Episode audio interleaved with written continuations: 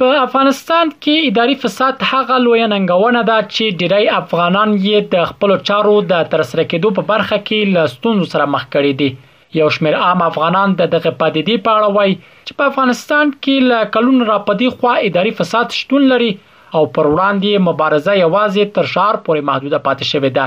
دغه شمېر افغانان په دې باور دي چې په افغانستان کې د طالبان په واکمنۍ کې هم فساد نه دی کم شوی بلکې د پخوا په پرتله څو برابره زیات شوی دی د کابل ښار یو تن اوسیدونکي د موضوع د حساسیت لامل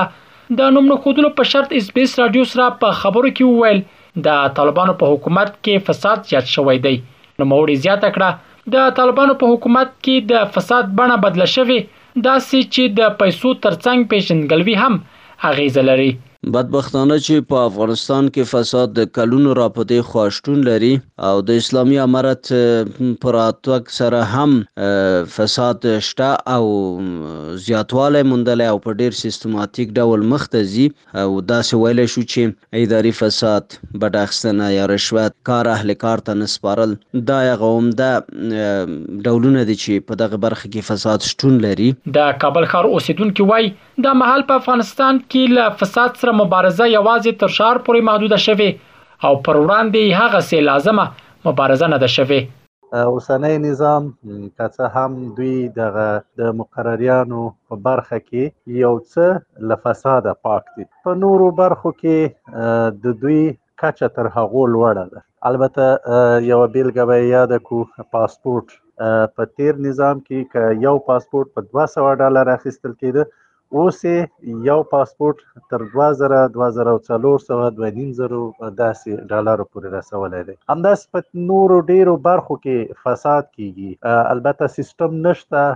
په خار کې په ورځنیو چارو کې ځینی طرف پورټي سیستمونه دي چې بغیر له کوم ادرس راغلي او ولاړ دي له خلکو پیسې اخلي په ورته وخت کې بیا د چارو یو شمېر کارپوهان وایي د طالبانو په حکومت کې د فساد پر وړاندې مبارزه شوې خو په هغه کچه نه ده څومره چې تصور کېدای شي د چارو د کارپوهانو په باور که طالبان غواړي له دولتي ادارو فساد په ټولیزه توګه له منځه یوسي باید د اساسي قانون په رڼا کې عادلانه حکومتوالۍ ته زمینه برابره کړي. زما په اند باندې اوس مبارزه د فساد سره ډیره شوې ده. او فساد مخه نیول شوې ده تر هغه حد هم نه چې څومره تصور کیږي زم چې نور هم باید کار ورته وشي نور هم باید مخه ونیول شي نور هم د فساد جرړې کمزوري شي زم که فساد لپاره هر څومره زیات کار وشي د دې لپاره چې د فساد مخه ونیول شي هم را به هم کم وي ځکه چې فساد د هر بی بنیادی لپاره هر بی ثباتې لپاره د هر بغاوت تر شا فساد لاس وي تیر دوه کال کې د افغانستان د اوسنی واکمن حکومت مبارزه له اداري فساد سره د فام وړ ده کوټلی او د سایلو وړ ده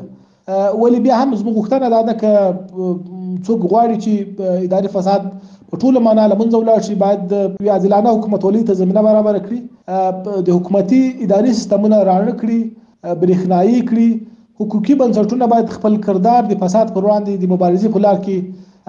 ترسره کړي او دا باید پیاوړی وي او په عین حال کې د اساسي قانون پر اساس باندې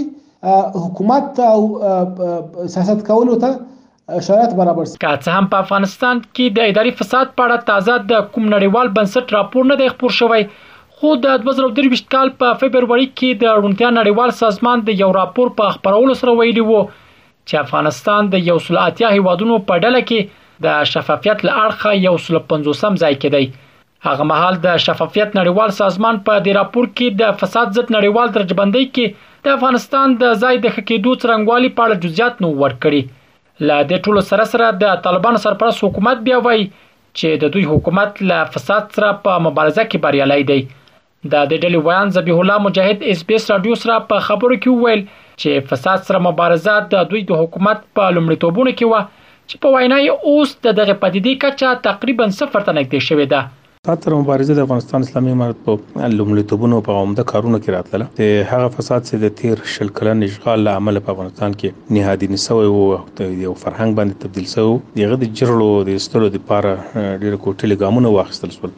په ټولو اداراتو کې د فساد کچه بالکل زیاته وه چې د اسلامي امارت په راتګ سره او د عملی اقداماتو په ترسره کېدو سره دا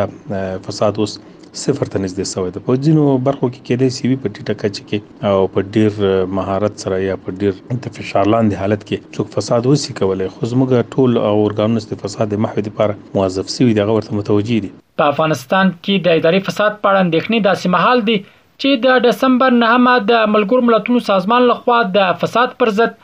د مبارزې نړیوالې ورځې په نوم نومول شوې ده هغه ورځ چې له یادونه یې موخه د فساد مخنیوی او تر خوا یې د مخنیوي د لارو چارو په اړه د عامه پوهاوي په لار اچول دي رحیم الدین اوریا خیل اس بي اس رادیو افغانستان